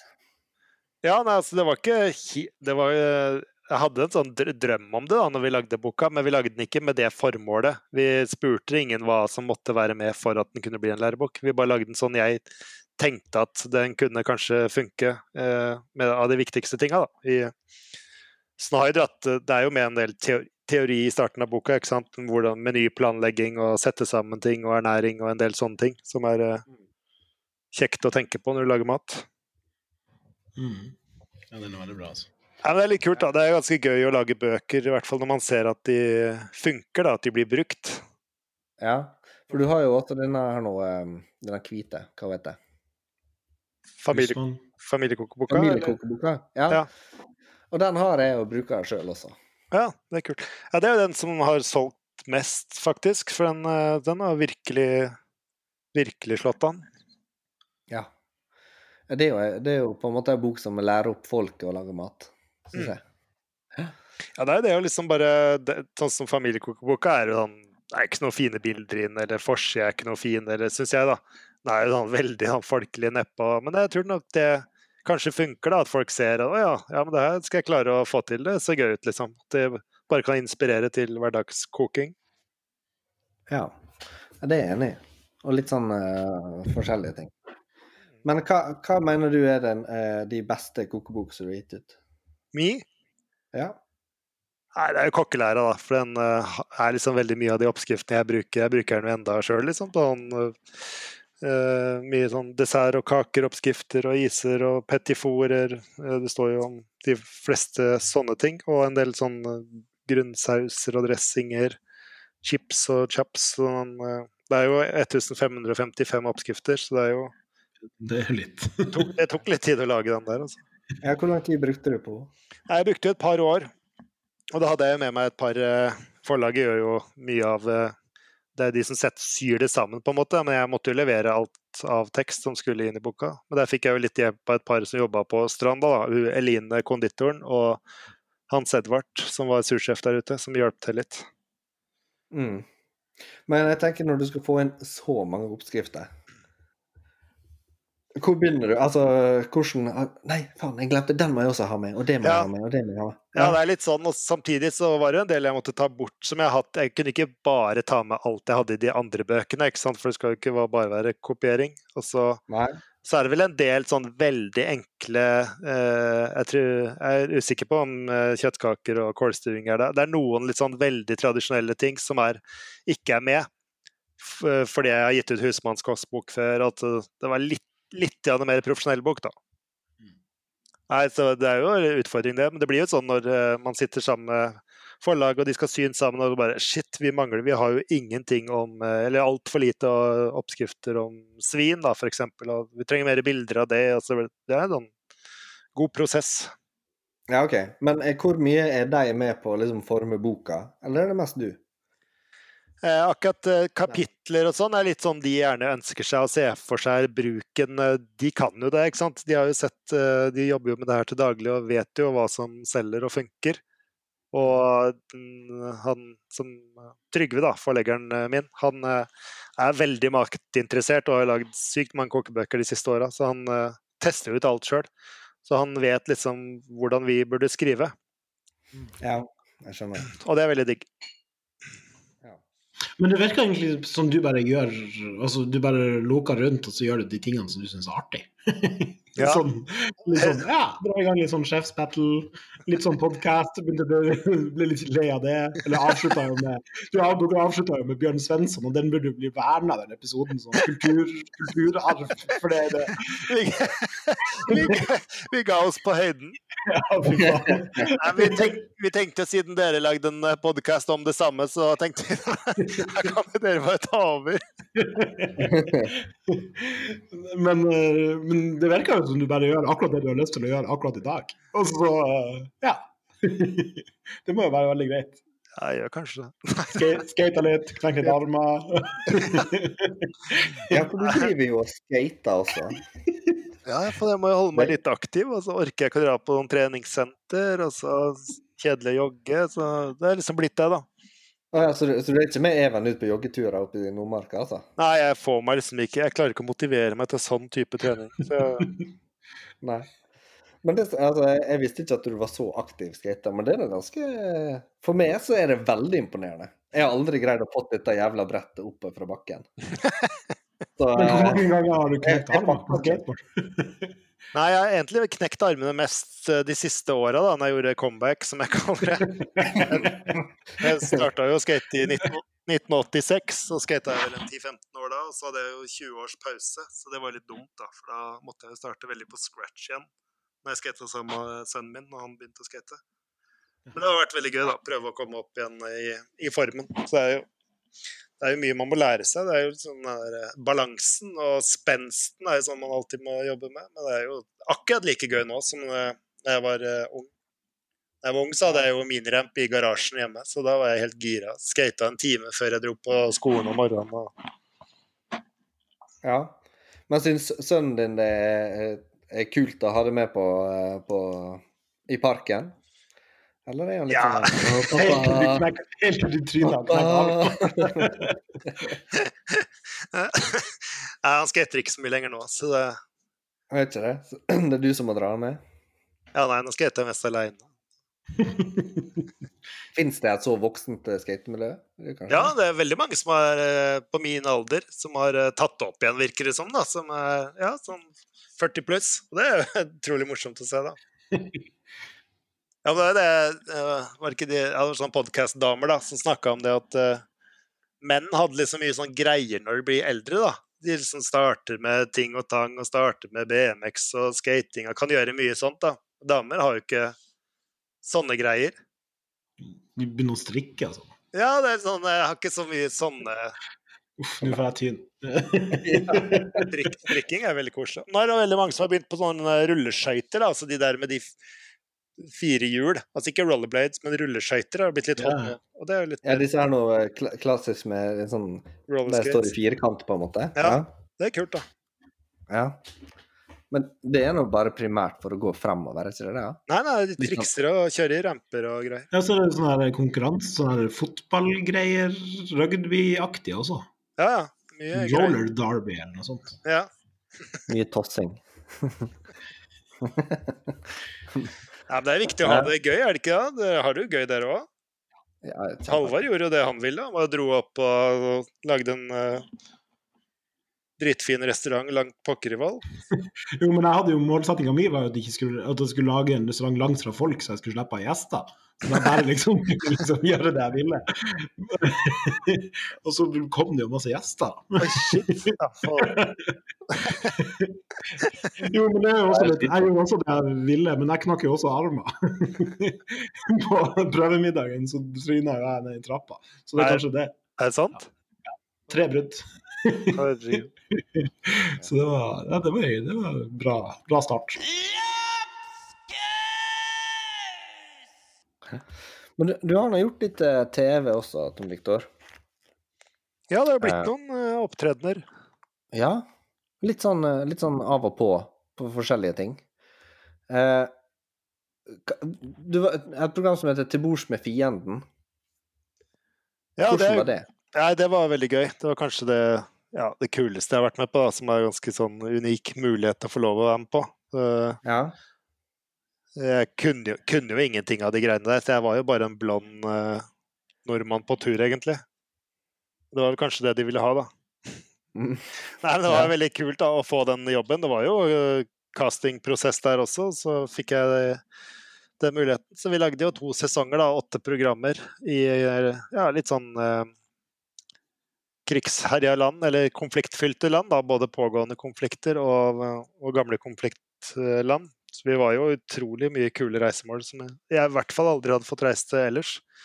Mm. Så var det Colombia og Kashmir, Libanon, Afghanistan, Burma Masse fete land som er veldig gøy å lære. Fordi programmene handla jo om Jeg lagde jo litt mat, men det handla mye om eh, konflikten, selvfølgelig, og religion og historie og Og hele tanken med det var jo Det er nesten et studie, egentlig, hvordan du kan samle folk da, med ulike syn på ting eh, rundt et måltid, og da glemmer de plutselig egentlig hva de holder på med til vanlig. Da snakker de om det de har på bordet og opplevelsen de har der, og så blir det en helt annen tone rundt bordet, og det var utrolig kult å se. For det fungerte virkelig, altså. Mm. ja. Det var jo et et annet matprogram også. Det var jo ikke bare underholdnings... Altså, det var jo noe mer. Ja, vi reiste rundt på alle de sinnssyke markedene. Sånne der flytende vannmarkeder i, eh, i Kashmir, liksom, langt oppe i høyden, inni eh, på noen sånne kanalbåter og handla grønnsaker der. Det var jo helt vanvittig crazy, liksom. Så var det jo ofte veldig mye da, restriksjoner på maten. Da. Så jeg lagde jo I eh, Israel så måtte jeg jo lage koshermat, sånn virkelig på koshermåten, liksom. Da var det jo ikke det og det, og alt måtte vært handla i den butikken. Og jeg kunne ikke få lov å fyre opp eh, gassbluss engang, det måtte han kosherfyren der gjøre. Så Hæ? ja, ja, det var veldig mye morsomt. Og så fikk jeg spise katt og ekorn og saue- saueballer og masse morsomt. Saueballer, det kjøpte jeg i dag. Nydelig. Ja, det, det er ikke så verst, det. Altså. Det er helt uh, Det er godt, det. det hva, hvis man googler det, lambs testicle, så kommer det opp uh, The oyster of the lamb. Å ja. ja, ja. Lambs oyster og sånn. Mange oppskrift som bare heter lamb, lamb oyster. Ja, men det er litt sånn, Man er jo bare ikke vant til eh, Det er jo bare tanken med det som er fjern, men eh, når du spiser det, det er jo som å spise brissel, liksom. Det er kjempegodt. Ja, jeg snakka med han der slakteren eh, på Sotland, han som gårdsslakter, så sa jeg kan du skjære lammeballer? Han bare ja, jeg har masse på frys. Jeg bare hæ? Hvorfor, har- hvorfor har du det? Så bare nei, det er mange innvandrere som Ja. det. Ja, det er veldig kult. Nei, så det, det er kult. Men Følte du deg trua på noen av turene der, eller? Ja, jeg følte meg jo sånn eh, relativt ivaretatt av han Fredrik Østvik som eh, var med. Det var jo, vi var jo veldig få på tur, vi var jo bare tre-fire på tur. Men han har liksom gjort det så himla mange år. Det har vært livet hans alltid. Han har alltid tatt det, Han sier jo det, det er derfor han lever i dag. Det er fordi han alltid har eh, vært forsiktig og tatt alle forhåndsregler. Da. Har liksom ikke tatt noen sjanser. Men nå har jo han opplevd litt verre ting enn det vi gjorde der. Da. Han har jo Han har jo ligget i grøftekanter og sett folk blitt bomba, liksom. Ja, Han var vel på det hotellet i Afghanistan også når det ble den der eh, Ja. dra- skuddvekslinga av drapet. Ja, når kameraten hans ble drept, ja. Mm. Og han har jo, ja Krasja i eh, ørkenen Nei, krasja i jungelen med fly og sin, mye sinnssyke historier. Nei, men det var mest Det var i Egypt, i Kairo der, der ble det jo litt sånn bråk, da. Da ble vi jo liksom eh, Ja, der ble det ganske heftig. Ja. Og i Kashmir så var det skyting rett ved siden av der vi var. Så nei, det var egentlig litt sånn tøft. Jeg har vært stressa. Er ganske pingle når det kommer på sånne ting og følger med trua. Du blir skutt etter. Ja, det er ganske pingle. Ja, jeg vet ikke. Jeg tror det hadde vært mye verre nå. Jeg vet ikke hvorfor jeg Jeg hadde jo barn da òg. Ja, jeg vet ikke. Nei.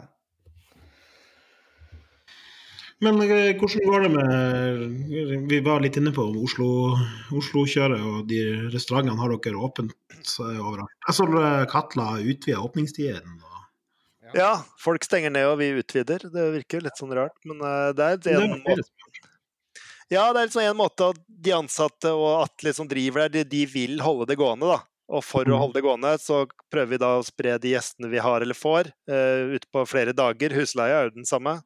Så vi tester det, og det får det jo til, da. Det går liksom akkurat, i hvert fall så langt. På de Mhm. fleste stedene. Det blir jo selvfølgelig ikke noe gullår. Vi er vel heldige hvis vi går i null i år.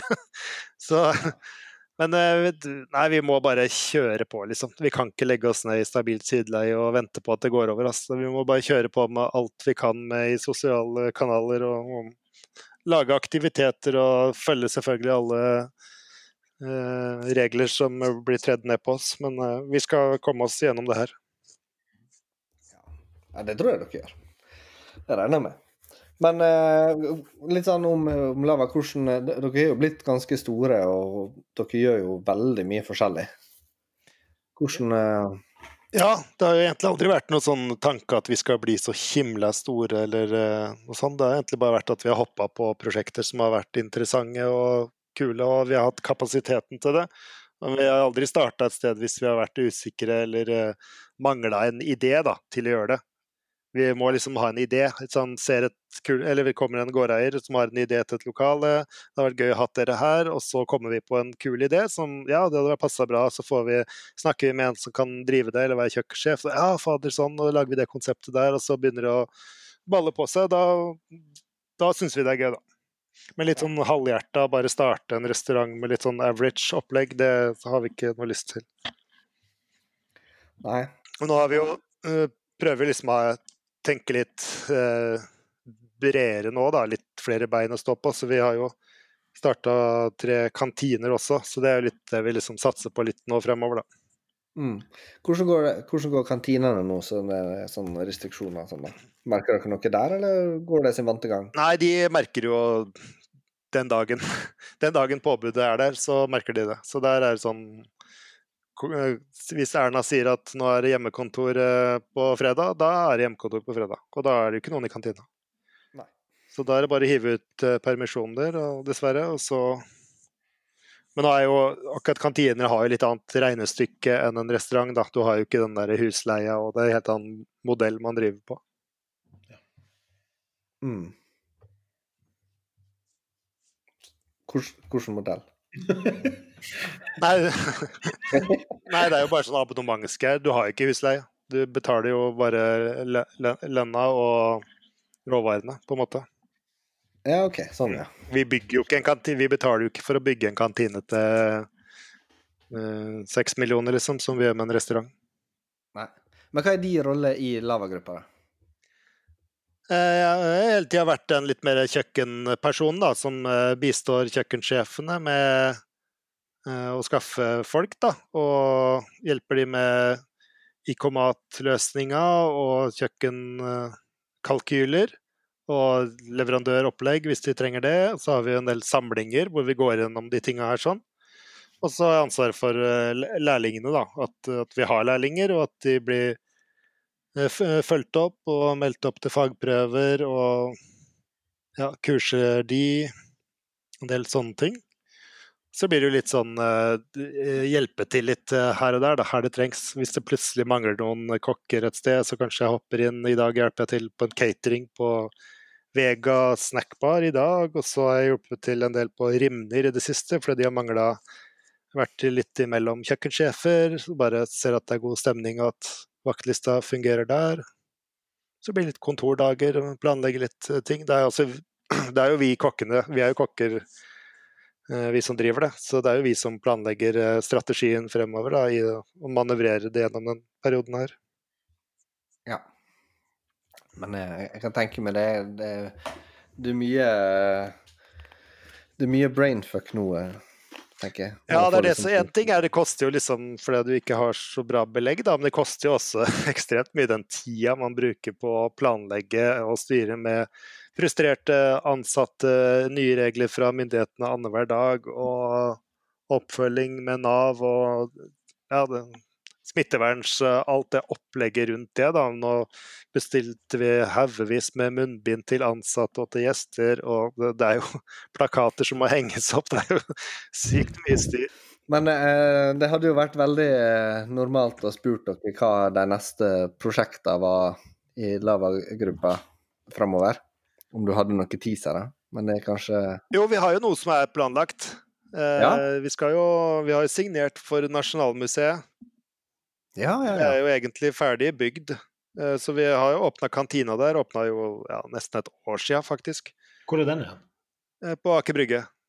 Ja, ja, ja, selvfølgelig. Det er jo ja, nesten Europas største museum, er det vel. Det er slått sammen Nasjonalmuseet og Samtidskunstmuseet. Flere museer da, som har slått sammen til ett gigahus. Okay, midt, ja. midt, på Aker Brygge. Så det blir jo dritkult. Det har vi jo tegna og planlagt veldig lenge. Så det, men det er utsatt nå nesten et år til, da, selv om det er ferdig. Så der blir det jo restaurant og kafé og et sånn uh, bollekafé-konsept skal vi ha der. Og Bollekafé-konsept? Bollekafé. så det blir, det blir restaurant. Det blir kult. Ellers så tar vi litt rolig, da. Finjusterer konseptene våre. Kanskje noen skal bytte, flytte lokaler. Eh, ja, litt sånn oh, ja. små, småjusteringer her og der. Mm. Mm. Jeg har vært og snusa litt opp i Ålesund. Hæ? Nei, det har du ikke. Det er sånn vi alltid har kødda med Bjørn Svensson, at, at, vi skal starte restaurant over gata for han. Akkurat samme menyen, bare halve prisen. Å ja, er det der han har det fra? For at, for at vi, var, eh, vi skulle i bryllupet til Miriam, ja. tror jeg det var. Og så var jeg og Arnt og Bjørn Svensson ute og spiste hos Reno i matbaren. Og så kom han bort til bordet og spurte eh, når jeg blir millionær, hva? så skal jeg åpne restaurant ved siden av. Eh, når jeg får en milliard milliard Så dere kan ikke gjøre det. Når jeg har en milliard milliard, hva? Bare dro ut av armen. Og Svein Erik ble liksom surere og surere. Han skulle kaste én krone. Han skulle liksom begynne å regne kalkyler. Så, mens Bjørn forklarte han at én milliard milliard var veldig masse penger. Så tenkte, tenkte ikke Og jeg ante bare Hva foregår?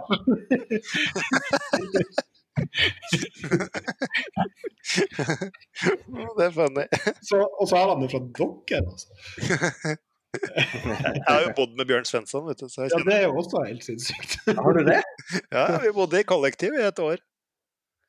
Det var det? Uh, det var vel uh, Det var mens jeg jobba på Pallas Grill, faktisk. Ja, det var veldig koselig. Men var det ikke flere? Jo. Frode Laupsa. Dere tre har bodd i lag. Men en trekjøper her, altså. Det er bra. Én veldig høy fyr, og så to ganske små. Før vi avslutter, så må du fortelle en bra historie fra dette eh, bofellesskapet der. Nei, faen, jeg kan ikke utlevere. Jeg kommer til å få bank.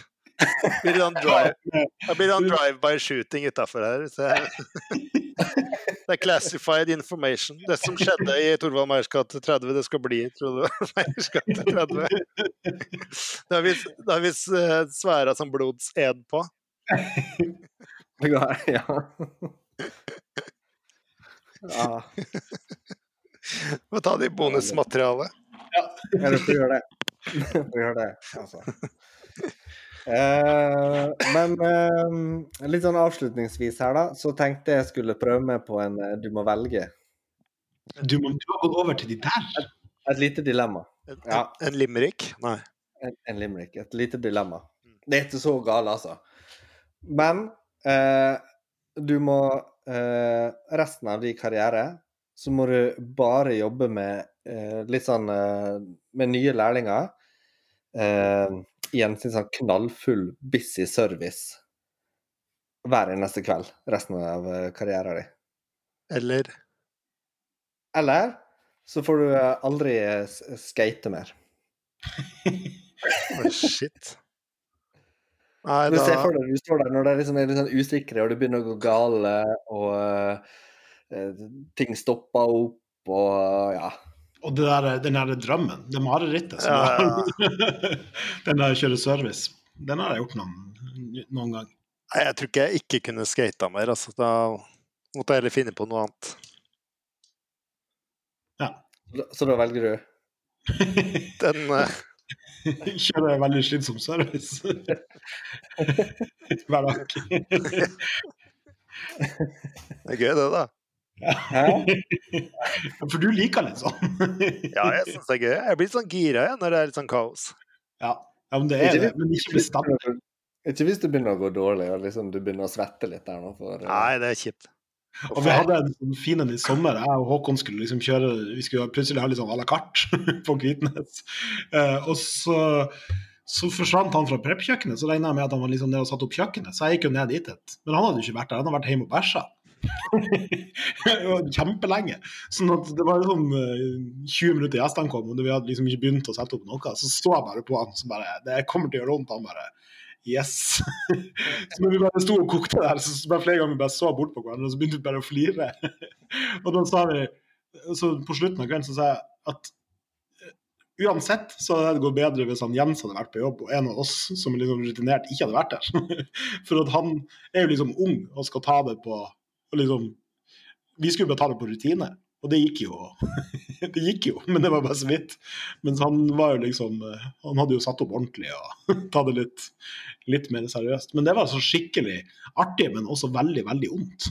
Ja, ja det gjør vondt. Eh, fremdeles har jeg faktisk sånne mareritt at jeg skal være med i en kokkekonkurranse, et sånn Bochistor-aktig konkurranse, hvor jeg er liksom eh, dagen før jeg skal konkurrere, og Hellstrøm Det er alltid han, da. og han kommer og skal smake på maten sånn eh, dagen før, da, og, bare, og jeg bare jeg har ikke peiling hva jeg skal lage. Jeg har liksom ikke fått til noen ting som helst. Jeg har ikke fått preppa noe. Alt er bare sånne løse tråder, da. Og det er så grusom, den drømmen der, altså. Ja. Og det er jo det vi snakka om i starten. Det er jo alle de resten av Norden, eller resten etter Norden i Bocuse, som vi ikke har masse løse tråder. Og der skal jo Hellstrøm spise også ofte. Ja. Eller nå har han slutta å være dommer. Det er noe med å trene litt. Da det virker som veldig mange av de, de tre, kan ikke trene veldig mye. Det, du kan ikke smake det der 30 ganger sjøl og Ja, nå sitter den. Det her er bra. Det her Det kan vi ikke. Nei, men det har vært veldig hyggelig å, å prate med deg, Tom Viktor. Det var veldig hyggelig å få lov å være med. Det var en ære, faktisk. Ja, ja, Ja, Å være en del av en, eh, en, del av en lapskaus. Det har jeg aldri vært før.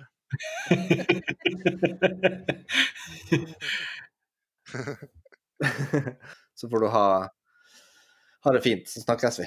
Veldig hyggelig. Ha det godt, da. Ha det bra. Ha det.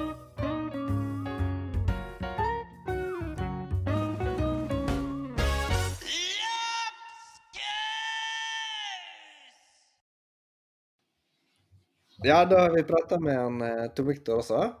Ja. Ja. ja. Nei, det er jo hyggelig. Det er jo det er veldig hyggelig, det. ja. Han er en, eh, en fin, fin fyr, han Ja. Victor, også. Ja, det er det. Du, eh, vi går jo inn i en sånn der nå, litt sånn rolig grønnsakssesong. Ja. Eh, mye kål og rotgrønnsaker. Det eneste nye nå er jo på en måte den hvite trøffelen som er på veien. Og litt høsttrøffel. Mm. Men hva er din eh, hva er din favorittgrønnsak på vinteren? Selleri. Selleri. Eh, rotselleri, ja. Ja. Eh, mm. Eller jordskokk. Ok. Men jeg tror kanskje selleri. Ja. Hva er Hva gjør du med selleriet? Det er sånn godt sånn bakt, sånn lenge. Mm. Sånn blir sånn syrlig. Det er godt. Ja. Og så er det jo godt med Ja, sånn altså sånn- steikeskorpe. Den er jo veldig sånn Kan jo brukes hit og dit. Både den tunge og lette. Og den har jo bra Bra spekter i seg, liksom. Og så er det jo kult med noe som er litt sånn stort. Altså som man kan liksom jobbe litt med. Sånn at du kan banke litt. Ja. Det, er- altså, Rotgrønnsaker blir jo best når de er mørbanka. Ja. Ja. Og nesten, jo mer brent og stekt det er, jo, jo Mm. deiligere blir de. ja. Enig i det. Men hva med skosonnerota? Jo da, det er også godt. Ja. Men den har jo kanskje Den er jo kommet litt tilbake i det siste, men den har vært litt sånn harrystempel, har ikke det? Litt sånn skrelt, skrelte friterte. Det var jo en stund at det var mye av.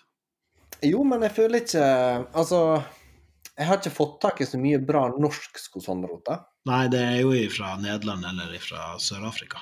Ja, så det er kanskje, kanskje det er en av grunnene til at den ikke er så veldig mye her. Er veldig mye jord i den pakken.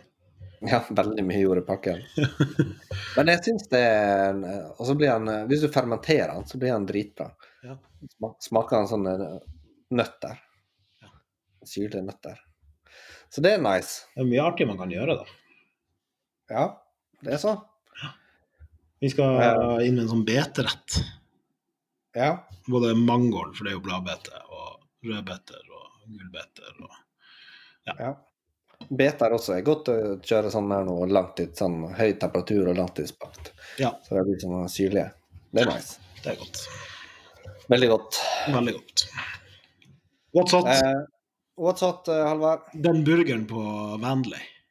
OK. Ja, for vi snakka jo litt om den i episode om én virkelig så Ja, og så, begynte jeg å bli passe lei av det bildet. Ja. Og så var jeg der, og så bestilte jeg en, og så tok jeg bildet. Så tenkte jeg kan umulig være så god. Og så tok jeg en bit, og så, så fikk jeg øyekontakt med servitøren. Mens jeg tygde første biten. Ja. Og så bare liksom peka, veiva hun bort, og så sa jeg eh, Jeg vil ha en sånn til. Før du har spist resten, liksom? Ja, altså, men i tugga. Og angra på at jeg hadde bestilt tartar. For da tenkte jeg hvis jeg ikke bestilte tartar, så kunne jeg jo bestilt uh, tre. Ja. Ja. Ja. Og så dagen etterpå så skulle vi spise frokost, og så skulle vi på Gunnars generasjonsbar. Ja. Uh, og så var det stengt. Og og, og Vanja og så hun Julie, søstera til Vanja, de bare faen, hva skal vi, hvor skal vi gå nå? Jeg bare Det var endelig burger. Men jeg, jeg fikk ikke det gjennom. OK. Det hadde ikke jeg på frokosten? Ja, og så Vi endte opp på sånn åpen bakeri på andre sida av gata fra The Wendley. Ja. Så jeg bare So close, but no bur burger. Nei, men OK, hva er greia med burgeren, da? Nei, den er bare jævlig god. Altså, det er sånn dried kjøtt, uh, og så er det ikke mye tull på. Det er ikke tomat. Jeg hater tomat på burger. Eh, det er sånn der, eh, altså det er ost, og så er det sånn smørja med gode ting som jeg ikke vet hva er. Jeg tipper det er noe løk og noe Ja, det ser ut, ser ut som det er en sånn løkkompott inni der. Ja, men med masse digg liksom. Det er ikke noe føss. Og så er den liten, så du kan ikke spise to. Nei. Så det, det Jeg skulle gjerne ha sagt at den ikke var god. Men den, den bare er det. Ja. Men den ser jo utrolig digg ut, da. Ja, Og så har de skåret den den veien. Ja. Den kommer sånn. Det er litt merkelig. Men den er enklere å spise. da. ja, kanskje det er det de har tenkt på, da. Så de har skjønt burger, både hvordan man skal spise den, og hvordan den skal smake. Men altså, den beste burgeren jeg har smakt. Og så kom den, og så var den ti ganger bedre. Oi.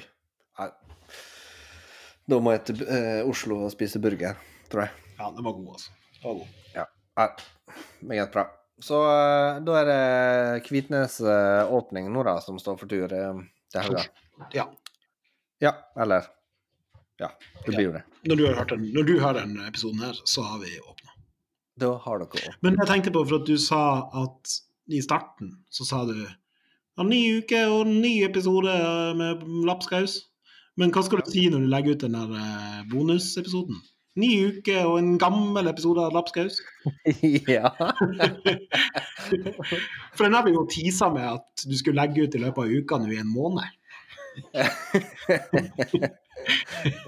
ja. Så vi får se. Plutselig så kommer den. Kanskje ikke. Kanskje For det var jo en annen podkast i forrige uke. Da spurte de hva er den her eh, bonusepisoden? Hva er det som skjer i den? Men jeg tror kanskje det var etter vi var ferdige. ja. Der prata okay. vi for så vidt om deg, for vi var på Argataka og spiste og podkasta. Å ja. ja, det var med han eh, Mathias. eh. Ja, men så satt vi og lurte på, for at inni Det høres ut som når vi satt liksom borti der, sjangeravdelinga, Mm. og der høres det ut som det er en taco som går i kjelleren gjennom ventilasjon. Konstant. Men eh, Pacoen går jo i kjelleren. Ja, men ikke inn på For at den ventilasjonen Ja, det, da bærer den lyden langt, altså. Men den gikk sånn hele tida. Ja, OK. Ja. Nei, det, det vet jeg ikke jeg. Der, dere sitter rett ved siden av eh, der ventilasjonsrommet er. Ja. Det er kanskje det dere hørte. det. Var det bra matta? Ja, ja, ja, jo da. jeg tenkte bare på noe annet. Så- OK. Nei, jeg spiste jo pepper crab. Jeg var der i Jeg var innom og møtte Jon, Jonte i to-tre-tida. Og Ja. så dro jeg, og så kom jeg tilbake klokka fem og spiste med Vanja og noen venner fra oss. Med, ja, og, Ulrik. Eh, og så dro de kvart over seks. Eh, og så kom han Mathias og Andreas klokka syv. og så satt vi her til klokka elleve. Så jeg var der ganske lenge. Ja. det ender ofte opp det med å være på Arkataka ganske lenge. Ja, så når Man er jeg drakk kaffe på første besøket, og så spiste jeg pepper grab på andre besøket, og så spiste jeg pasta løyrom og en sånn eh, gresskar Ja. og noen greier. Det var godt. Eh, Du, du får sikkert høre det på den podkasten. ja de ble jo nominert eh, til sånn eh, Debio-pris, de. Hæ? Ja. Hvem? Eh, Arakataka. Ja, Arakataka, ja. ja. Ja, ja. Jeg ble også nominert. Ja, ja det, altså, det, det, her, det har ikke vi sagt noe om. Nei. Hæ? Fortell, Halvard. hva- Du er eh, igjen nominert til en ny uh... Matprisen, matprisen. For matprisen. matprisen har jo mange priser under seg. Ja. Men så har de en sånn pris, som jeg tror kanskje er liksom hovedprisen, som heter matprisen. ja. Jeg tenker at man liksom har Spellemannsprisen, og så har du beste artist, Ja. som, som jeg sikkert skulle ha fått, for at jeg er så flink å synge. og så har du liksom Årets Spellemann. ja. Og det tenker jeg jeg det er jo- matprisen, matprisen er. Det er jo det. Det er jo det. Det er den, det er den siste prisen som deles ut. Det er sikkert det. I fjor, i fjor så vant han her eh, Henrik Jung, han eh, Ja. grise, tyske grisebonden. Ja, Så det er du, og så er det Tim Wendelboe, Ja, å herregud. Og og så er det Hæ? På dagens. Dagen. Ja. Ja. Og så er det mange andre kjente i de andre kategoriene. Sve- eh, Sven Erik ja. og Jimmy er nominert til to priser, både Kokkeprisen og en arrest. Mm. Eh, Tommy Østhagen han var nominert i fjor òg. Ja. Og, men tidligere så har de jo hatt en sånn utfordrerpris som har vært ganske artig, men den tror jeg er fjerna. Ja. For den Nei, utfordrerprisen er jo litt artig, for det har vært sånn herre Ja, OK, du prøver, men gjør det bedre. Hæ? Altså, du, du prøver å Det, det er sånn her Ja, i fjor så var det jo landslagene var nominert, eller NKL var nominert. Oh, ja, så, ja, ja, ja, ja. Og så var det liksom VG Matbørsen som var nominert. Men ikke nødvendigvis, det er ikke en pris du nødvendigvis vil vinne. Nei, jeg skjønner hva du mener. Ja, De utfordrer deg litt, liksom. Til å gjøre det bedre, liksom. Fiks, fiks det du gjør på. Ja. Bedre. Ja. Det skulle jeg egentlig fortsatt med. Ja. Ja. Nei, men uh, du får eh, Vi snakkes neste uke, og så får du fin åpning. eh, Vi snakkes vel sikkert før eh, neste uke. Kjenner meg rett. ja, vi Eller snakkes. mest sannsynlig så ringer jeg deg, så får jeg melding om at du er i Polen. At du ikke kan prate telefon. Noe sånt. Nei, nå skal jeg ikke til Polen. Nei, men uh, takk for at dere hørte på i denne episoden av Lapskaus. Vi er tilbake neste uke som vanlig. Uh, ha ei fin helg, og uh, Szalabajs. Feków. Szalabajs, tak jest. Tak jest.